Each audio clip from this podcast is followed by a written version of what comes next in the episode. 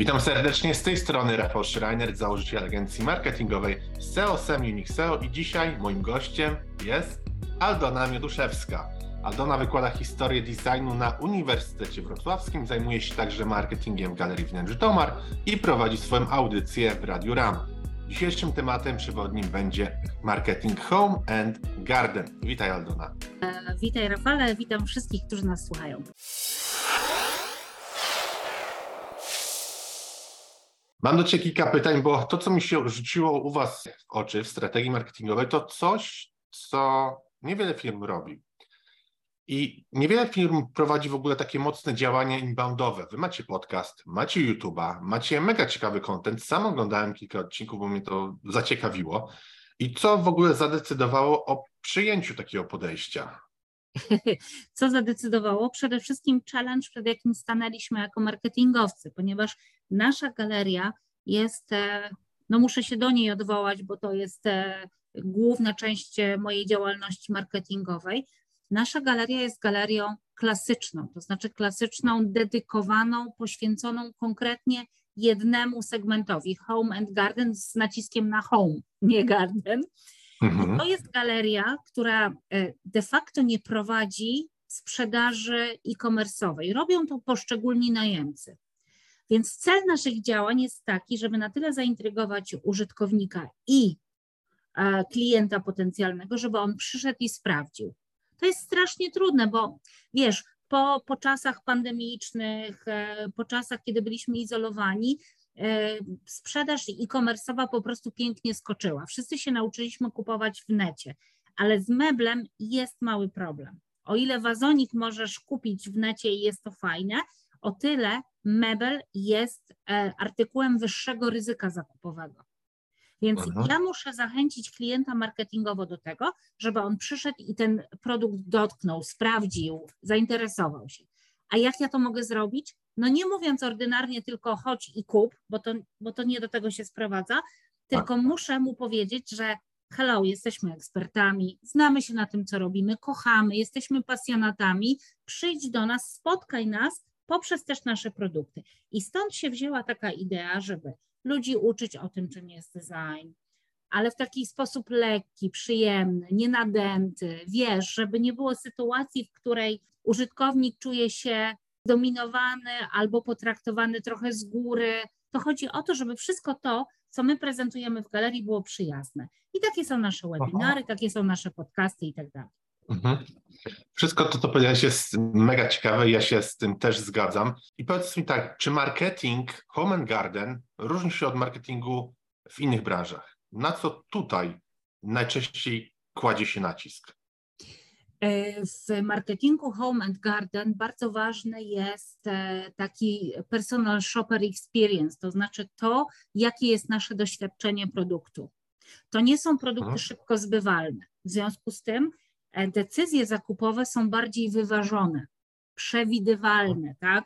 My planujemy budżety to nie jest budżet, który ja mogę sobie e, wyrzucić jednorazowo, no w zależności od zamożności portfela ma to oczywiście znaczenie, ale to są zakupy przemyślane. To są też zakupy obarczone ryzykiem niewiedzy.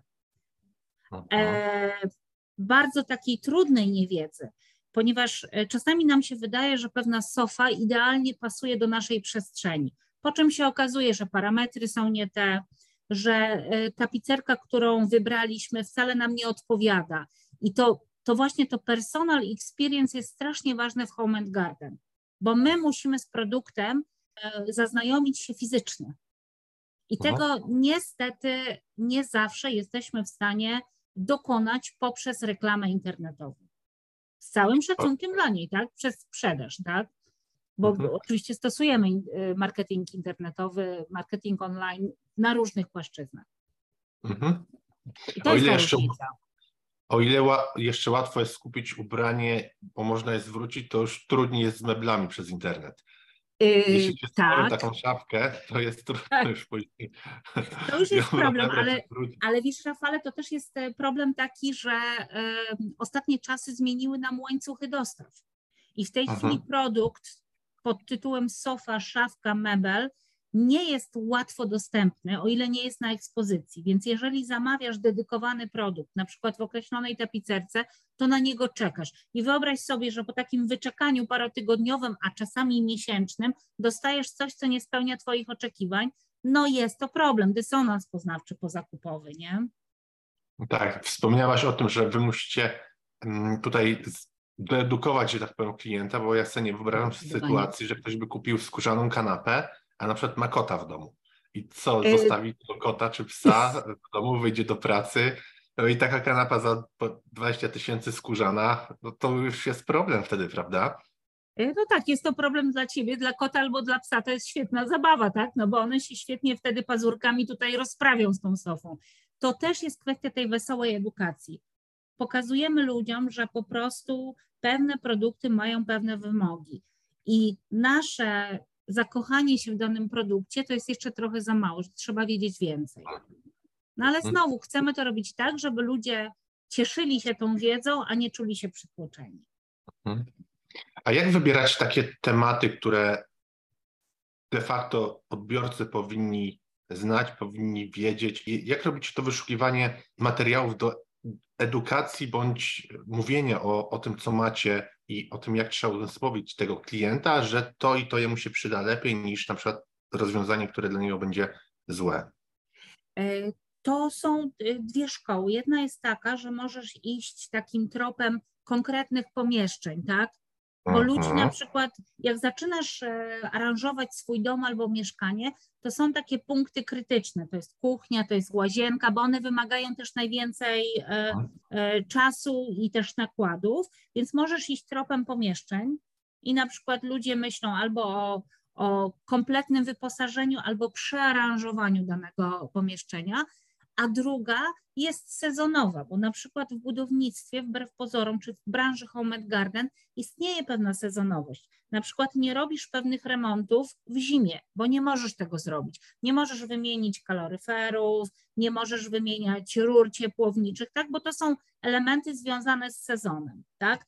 Albo na przykład nie robisz tarasu w zimie, tylko go konserwujesz bo czekasz na ten dobry moment, kiedy on będzie suchy i odpowiednio przygotowany. Więc możesz iść albo sezonem i wtedy wybierasz tematykę, która jest związana sezonowo, albo idziesz pomieszczeniem. A trzecia droga to jest ta droga, którą ja wybrałam e, na podstawie moich e, spotkań ze studentami. Okazało się, że jak im opowiadałam o historii designu, no to takie historie ogólne potwornie ich nużyły, tak? No bo wiesz, opowiadasz, że tam w 1800 którymś roku jakiś tam fotel powstał. Ale jak zaczęłam drążyć i zobaczyłam, że za tymi historiami kryją się namiętności ludzkie, kryją się niesamowici projektanci, skandale, kradzieże, no cudawianki powiedziałabym, to wtedy okazało się, że ten mebel stał się takim fajnym elementem anegdotycznym. I tak powstała domowa galeria stylu, i tak też poprowadziłam wykłady, żeby studenci zobaczyli, że za tymi przedmiotami kryją się niesamowite historie. A ludzie lubią słuchać fajnych historii, nie? I to jest, i to jest też rodzaj edukacji, bo ja przemycam, wtedy mówię wam, a no właśnie, ten fotel powstał w tym i w tym roku, ale wiesz, on powstał tylko dlatego, że ktoś zamoczył fragment e, drewnianej gałęzi zamoczył w, w, wodzie i ona się specjalnie wygięła i potem powstał jakiś tam kształt. Teraz tak szyję dla potrzeb tej dyskusji, ale to jest właśnie ten rodzaj storytellingu, który ludzi po prostu fascynuje. Mam nadzieję, mam nadzieję. Powiem tak, że według mnie to masz dobrą nadzieję, bo mi osobiście słuchało się bardzo fajnie kilku odcinków tego podcastu i kanału na YouTubie, ale może odejdźmy od tego głównego wątku, bo naprawdę to, co robicie jest ciekawe. Może miałabyś jakieś rady dla osób, które też chciałyby tworzyć content za pomocą strategii inbound, może YouTube, może podcast w takich niszach, które na przykład, bo powiedzmy sobie szczerze, to co wy robicie to jest nisza. To nie jest rozrywka, tak, to jest że nisza. to oglądają, tylko mhm. to jest taka nisza, którą mimo wszystko dobrze się słucha. Może miałabyś dla, dla, dla słuchaczy naszych, czy dla widzów jakieś rady? A moja rada jest zawsze jedna. Ja mam ogromny szacunek dla drugiej strony. E, tak. I ta druga strona, to, to też nie jest do końca druga strona, to jest kwestia szacunku do produktu, o którym mówisz, i szacunku dla słuchacza.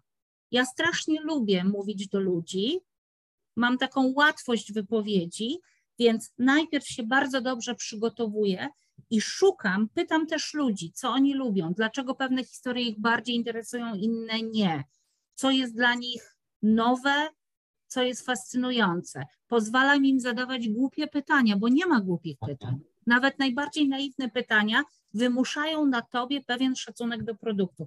Więc po prostu szukać, cały czas szukać. A jak się zakochasz w jakimś e, temacie, to spróbuj go drążyć. Słyszałam mówców, którzy mówili fantastyczne rzeczy, nie wiem, o śrubkach, tak? Więc kochać i szanować swój produkt. Ja wiem, że to brzmi strasznie ogólnie, ale chyba tak jest najlepiej.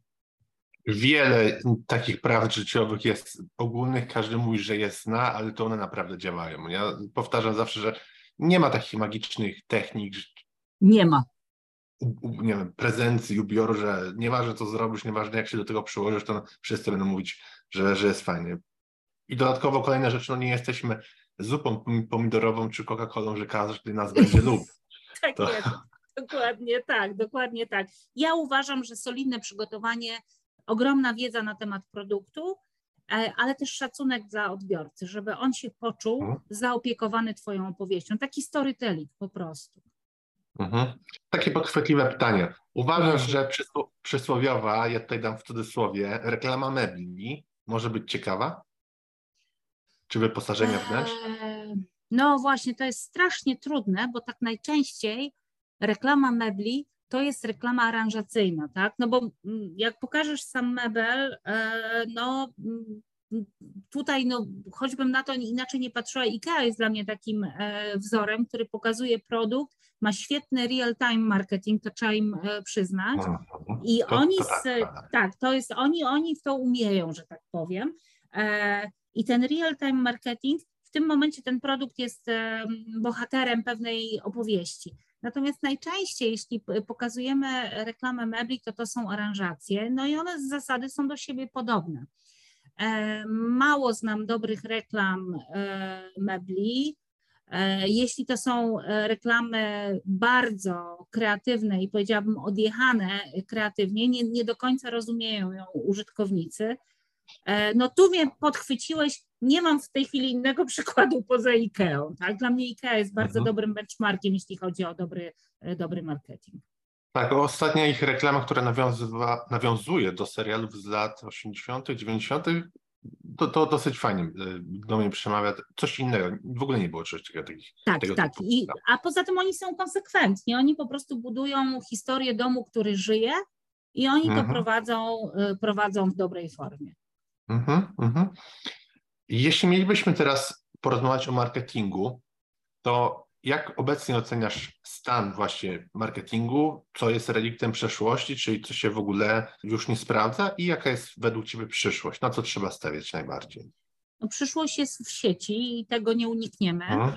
Natomiast jeśli ona nie jest wsparta komunikacją wspierającą, właśnie opartą o media y, tradycyjne, to będzie też trudno, bo na przykład e, bardzo dobrze działają, e, działają e, wszystkie działają działania, no sorry, działają kwestie online'owe, ale na przykład wsparte radiem, które jest medium komunikacji, tak, bo my się często poruszamy. Natomiast dla mnie takimi przeżytkami są, przeżytkami są już wydawnictwa drukowane, bo tak. jednak mamy dostęp do map interaktywnych galerii, mamy dostęp do katalogów e, interaktywnych i moim zdaniem one już lepiej funkcjonują niż drukowane, zwłaszcza, że ten starszy target meblowy nam powoli się wykrusza, tak? Przepraszam za brutalność. I myślę, że printy już są mniej istotne, chyba że w PR-ze, a nie w marketingu, zdecydowanie online, ale wsparte od doświadczenia. Więc wszystko to, co ściągnie ci klienta meblowego w cudzysłowie do galerii, ma znaczenie, czyli e, marketing doświadczeń plus marketing online. Tylko takie mhm. -huh. kombo. Uh -huh. Tutaj też się z Tobą zgadzam. Porozmawiamy o tym, jak w ogóle zmieniał się marketing w branży meblowej przez ostatnie lata, bo tak, targi, marketing internetowy, ekspozycje sklepowe, katalogi drukowane, tych zmian naprawdę było sporo. Ja pamiętam od, nawet od czasu, kiedy byłem dzieciakiem, znacząco wygląda to inaczej teraz. Jakie jest mm -hmm. spojrzenie marketing w waszej już tutaj niszy? no nasz marketing ewoluował też z klientem, tak? Bo przez długi czas, jak mieliśmy ograniczony dostęp do działań interaktywnych online'owych, no to targi były taką wymianą, tak? W tej chwili targi mają bardziej charakter albo eventu kulturalnego, albo czysto komercyjnego, ale na poziomie kontrahentów, tak? Że to kontrahenci między sobą się wymieniają doświadczeniami. E, I ten marketing też ewoluował. To już nie jest marketing taki klasycznie sprzedażowy. Coraz mniej jest takich mocno sprzedażowych akcentów w branży meblowej, choćby z tego względu, że my już nie jesteśmy w stanie zagwarantować, no niestety rzeczywistość to wymusiła, nie jesteśmy zagwarantować w stanie ani terminowości pewnych dostaw, bo one są nie od nas zależne, chyba że jesteśmy polskimi producentami, albo e, nie jesteśmy w stanie zagwarantować e, stałości lub e, promocyjnej wartości ceny, tak? My już nie możemy pracować ceną. Mówię mhm. o Mówię o galeriach handlowych sprzedających meble, ale też mówię o lokalnych producentach. Cena już nie jest miernikiem. Ceną są wszystkie te elementy, które dotyczą rzeczy dodatkowych, czyli wszystkie benefity, jakie dajemy klientowi. Dodatkowe benefity, nie wiem, obsługa posprzedażowa, transporty, montaże, e, porady architekta, konsjerż e, galerii, który oprowadza i pokazuje konkretne produkty. To są wartości dodane, które budują marketing. Już sam produkt to jest clue, ale z otoczką. Tak, to 100% prawda. Teraz jeśli firmy, załóżmy, ja, ja podaję często na takim przykładzie dropshippingu. Wiele osób zakłada tak. sklepy tak. z dropshippingiem i te sklepy wyglądają tak samo, niczym się nie wyróżniają. Mhm. Mają na jakimś masowym szablonie to zrobione. Te szablony wyglądają też identycznie i to, takie osoby myślą, że marketing to jest włączenie reklamy na czy na przykład reklamy dynamicznej z katalogu, ludziom się wyświetlają produkty, chodź, tak. chodź tutaj, kup i, i, już, już nagle stają się milionerami w internecie. I koszyk się jest, zapełnia.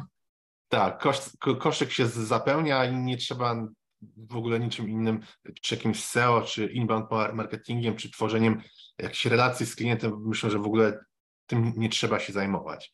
Tak. Może tak było, ale 15 lat temu, jak kliknięcia Dokładnie. w Google Adsach były po jeden grosz, a nie na przykład tak jak teraz po 5 czy 10 zł, w zależności jaka branża. Nawet są droższe. Absolutnie, tak. Produkt jest tylko pretekstem do pokazania tak naprawdę troski o klienta.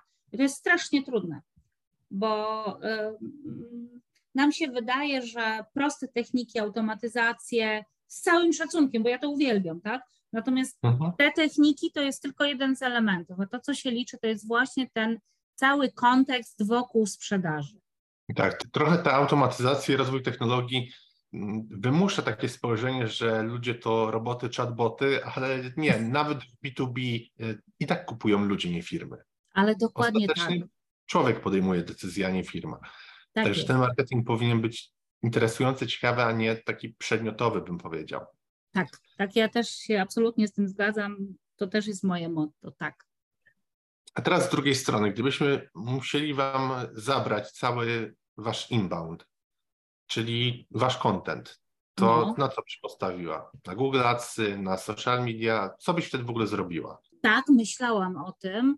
Na pewno e, poszłabym w rozbudowę sociali i mhm. nawet bym się pokusiła o social selling na przykład, gdyby była taka możliwość, e, ponieważ uważam, że soszale troszeczkę zaczęły pracować jak wyszukiwarki i przeglądarki. Dla nas są to w tej chwili tak naprawdę substytuty internetów, tak? W związku z czym e, uważam, że poszłabym w silną reklamę socialową, ale próbowałabym to e, krosować ze sprzedażą. A jest to w tej chwili możliwe. Mhm. 100% prawda. Jak pomyślimy, na jakiej zasadzie ludzie kupowali 10 lat temu, 15 lat temu, to jedynie co wchodziło tylko w Google, wpisywało frazy, ale teraz tak, przez te tak. 10-15 lat to tak, tak, ewoluowało, że na przykład osoby mają swoich ulubionych blogerów modowych mhm. i kupują to, co oni zasugerują. Kupują z YouTube'a, z TikToka, z Facebooka. Z Insta, Tyk, oczywiście. Z tak, Insta, z, tak. z, z, różnych naprawdę miejsc. Także to się tak, tak zmieniło, że ciężko by było tutaj nawet polegać na, na samym Google, tylko że jesteśmy, mamy adsy, czy, czy na salę jesteśmy wysoko i już jest fajnie. To jest Mimo wsparcie. Ten brand, tak, tak, ten brand, ten content, na to teraz e, według mnie tak. też trzeba stawiać. Tak, na social selling i na budowanie społeczności wokół produktu albo marki. Zdecydowanie tak. Mhm. A jeśli chodzi o Waszą branżę, Waszą niszę, wróćmy do tego na chwilę, to czy nie z, y, aż za bardzo tak, że klienci przywiązują się do jednej marki, na przykład mają później problem z, z korzystaniem z innej, czy, czy, czy to jest po prostu takie y, moje y, niewłaściwe spojrzenie na tę sprawę? Zmieniła się skala lojalności klientów i ona mhm. jest związana z wiekiem. Klient mhm. starszy, jeśli decyduje się na pewną stylistykę, to często mhm. bywa lojalny wobec danego brandu, do, do, wobec konkretnego na przykład typu produktu. E, mówię tutaj o takich klasykach, mhm. tak, od stylu klasycznym, o stylu glam, no to, to są ludzie, którzy się ulojalnili. Natomiast młodzi ludzie e, przeskakują z marki do marki i dla nich bardzo ważne jest e, właśnie wprowadzanie takiej kwestii, nie wiem, porady albo edukacji, tak jak mamy bezpłatne porady architekta, bo oni wtedy poszukują kilku na przykład brandów i wokół nich budują swoje aranżacje. Więc nie, nie ma czegoś takiego jak przywiązanie do jednej marki. To, to, to się skończyło. Teraz się liczą konkretne produkty i ważne, żeby do siebie pasowały. Mhm. Czyli uważasz, że jeśli ktoś będzie robił naprawdę taki ciekawy content, dobry marketing, to nie musi mieć firmy 20 lat na rynku, żeby wszyscy ją pamiętali czy rozpoznawali, tylko za pomocą fajnych przekazów można jak najbardziej tutaj rozwijać swój biznes. Dokładnie tak jak mówisz. Nie wierzę w to, że e, e, informacja o tym, że nie wiem, no nasza firma ma ponad 50 lat i, mhm. i nie wiem, czy to działa na korzyść naszej firmy, bo młodzi ludzie przychodząc do nas mówią, o myśmy myśleli, że to będzie jakiś taki stary sklep meblowy. To nie jest sklep meblowy. Więc mhm. moim zdaniem fajnie, jak firma ma tradycję, bo to znaczy, że ma doświadczenie, ok, ale nie jest to główny przekaz. To już nie ma znaczenia takiego. Mam do Ciebie jeszcze jedno pytanie. Jeśli miałabyś nieograniczony budżet Chuje. i zaczynałabyś, tutaj bez podawania przykładów y, niższej branży, zaczynałabyś od zera, to jak byś w ogóle stopniowo projektowała swój marketing? Od czego byś zaczęła, co byś dodawała z czasem? Y, ale mówimy cały czas o mojej branży, czyli o Home and Garden, możemy, tak? możemy skupić się głównie na Twojej -hmm. branży, będzie łatwiej tak bardziej szczegółowo nam odpowiedzieć. E, no, pierwsze, co bym zrobiła, to bym e, zastanowiła się nad grupami docelowymi. Mhm. Sprawdziłabym e, targety główne i targety cienia, czyli to shadow audience, które, audience która, która też analizuje treści. Potem zadbałabym o e, dobre kontakty z targetem opiniotwórczym, czyli z architektami, bo to jest strasznie ważne w naszej branży, żeby mieć wsparcie i zaufanie branży architektów. A potem budowałabym bardzo dużo wydarzeń, które ściągałyby mi ludzi do, do galerii jako takiej. Mhm. Wydarzenia to byłyby głównie online czy offline? Jak... E, hybrydy, hybrydy. Już w tej chwili bawimy się hybrydowo. To i online, e, i oczywiście wszystkie działania, które są związane z remarketingiem, z strategią SEO, która buduje content i budowanie powoli kontentu. Natomiast to, co chciałabym na pierwszy rzut oka albo na pierwszy etap wprowadzić, to przede wszystkim zapoznanie z produktem, z ofertą i o tym musi zadecydować nie tylko klient ostateczny, ale ten opiniotwórczy, czyli architekt. Mhm. No nie Ciekawe wiem, czy Ci dobrze odpowiedziałam, ale tak bym zrobiła. Znaczy ja tutaj też się z tym zgadzam. Tworzenie kontentu, e, szukanie zainteresowań grup docelowych. Jeśli ten kontent wideo, e, wydarzenia online, offline, SEO będą stworzone, to dodajemy wtedy remarketing. To jest, uważam, że to jest taki rozsądny model, od którego można startować i oczywiście patrzeć, jak dalej rynek będzie reagował. Ale oczywiście. Z czego będą osoby najczęściej przychodzić, że tak powiem. Mhm, tak, tak, tak, tak, bo potem, e, że tak powiem, fajne jest w działaniach e, online'owych to, że masz możliwość szybkiej reakcji, tak? Jesteś w stanie ewaluować e, i wyniki, ale też szacunki, jakie masz i targety, jakie sobie ustalasz, te wszystkie KPI i e, jesteś w stanie to modyfikować. Tak? Gorzej jest z e, mediami tradycyjnymi, natomiast przy online możesz bardzo fajnie sobie zbudować nie tylko ścieżkę zakupową, ale też ścieżkę rekomendacyjną i to jest fajne. Mhm to to na plus się zmieniło znacząco od tych starych czasów w branży Oj, bardzo. meblarskiej, gdzie królowały katalogi e, i eventy offline typu targi. Tak, tak, to się już zmieniło. To się już zmieniło. Zresztą patrzymy po, po naszych webinarach, że nam się tworzy bardzo fajna społeczność zaangażowanych użytkowników, Mhm. I oni mogą być dla nas znakomitymi ambasadorami, więc też na tym nam zależy. Jak najbardziej. Aldona, czy chciałabyś jeszcze coś dodać? Jej, ja mam takie wrażenie, że się tak nagadałam, że już ludzie mają dosyć mojego głosu. Powiedziałaś sporo i to takich też smaczków od siebie z branży, za co bardzo dziękuję, bo rozmowa była bardzo ciekawa. Jeśli ktoś chciałby Ciebie znaleźć albo z Tobą się skontaktować, to jak najlepiej? Myślę, że najlepiej przez LinkedIna, ewentualnie mhm. przez stronę Domaru, ponieważ tam są namiary na marketing i zawsze można się ze mną skontaktować albo znaleźć mnie na, w mediach społecznościowych. Zawsze zapraszam do rozmowy.